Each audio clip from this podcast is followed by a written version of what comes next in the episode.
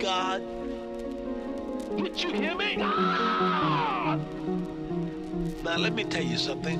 We're still beautifying God's house. I need 100 people to write me this week and send a love offering of $50 or more. Let God use you this week for his glory. Let us beautify the house of God together. I am excited about the house of God. I am excited. And I believe that it's time that all of us fall in love with the house of God. Oh, we love our own houses. But it's time to fall in love with God's house. To fall in love with doing something for the house of God. I need at least a hundred of you listening now. The right men send fifty dollars or more this week for the ministry itself, the beautification of the house of God. And when you send something for God's house,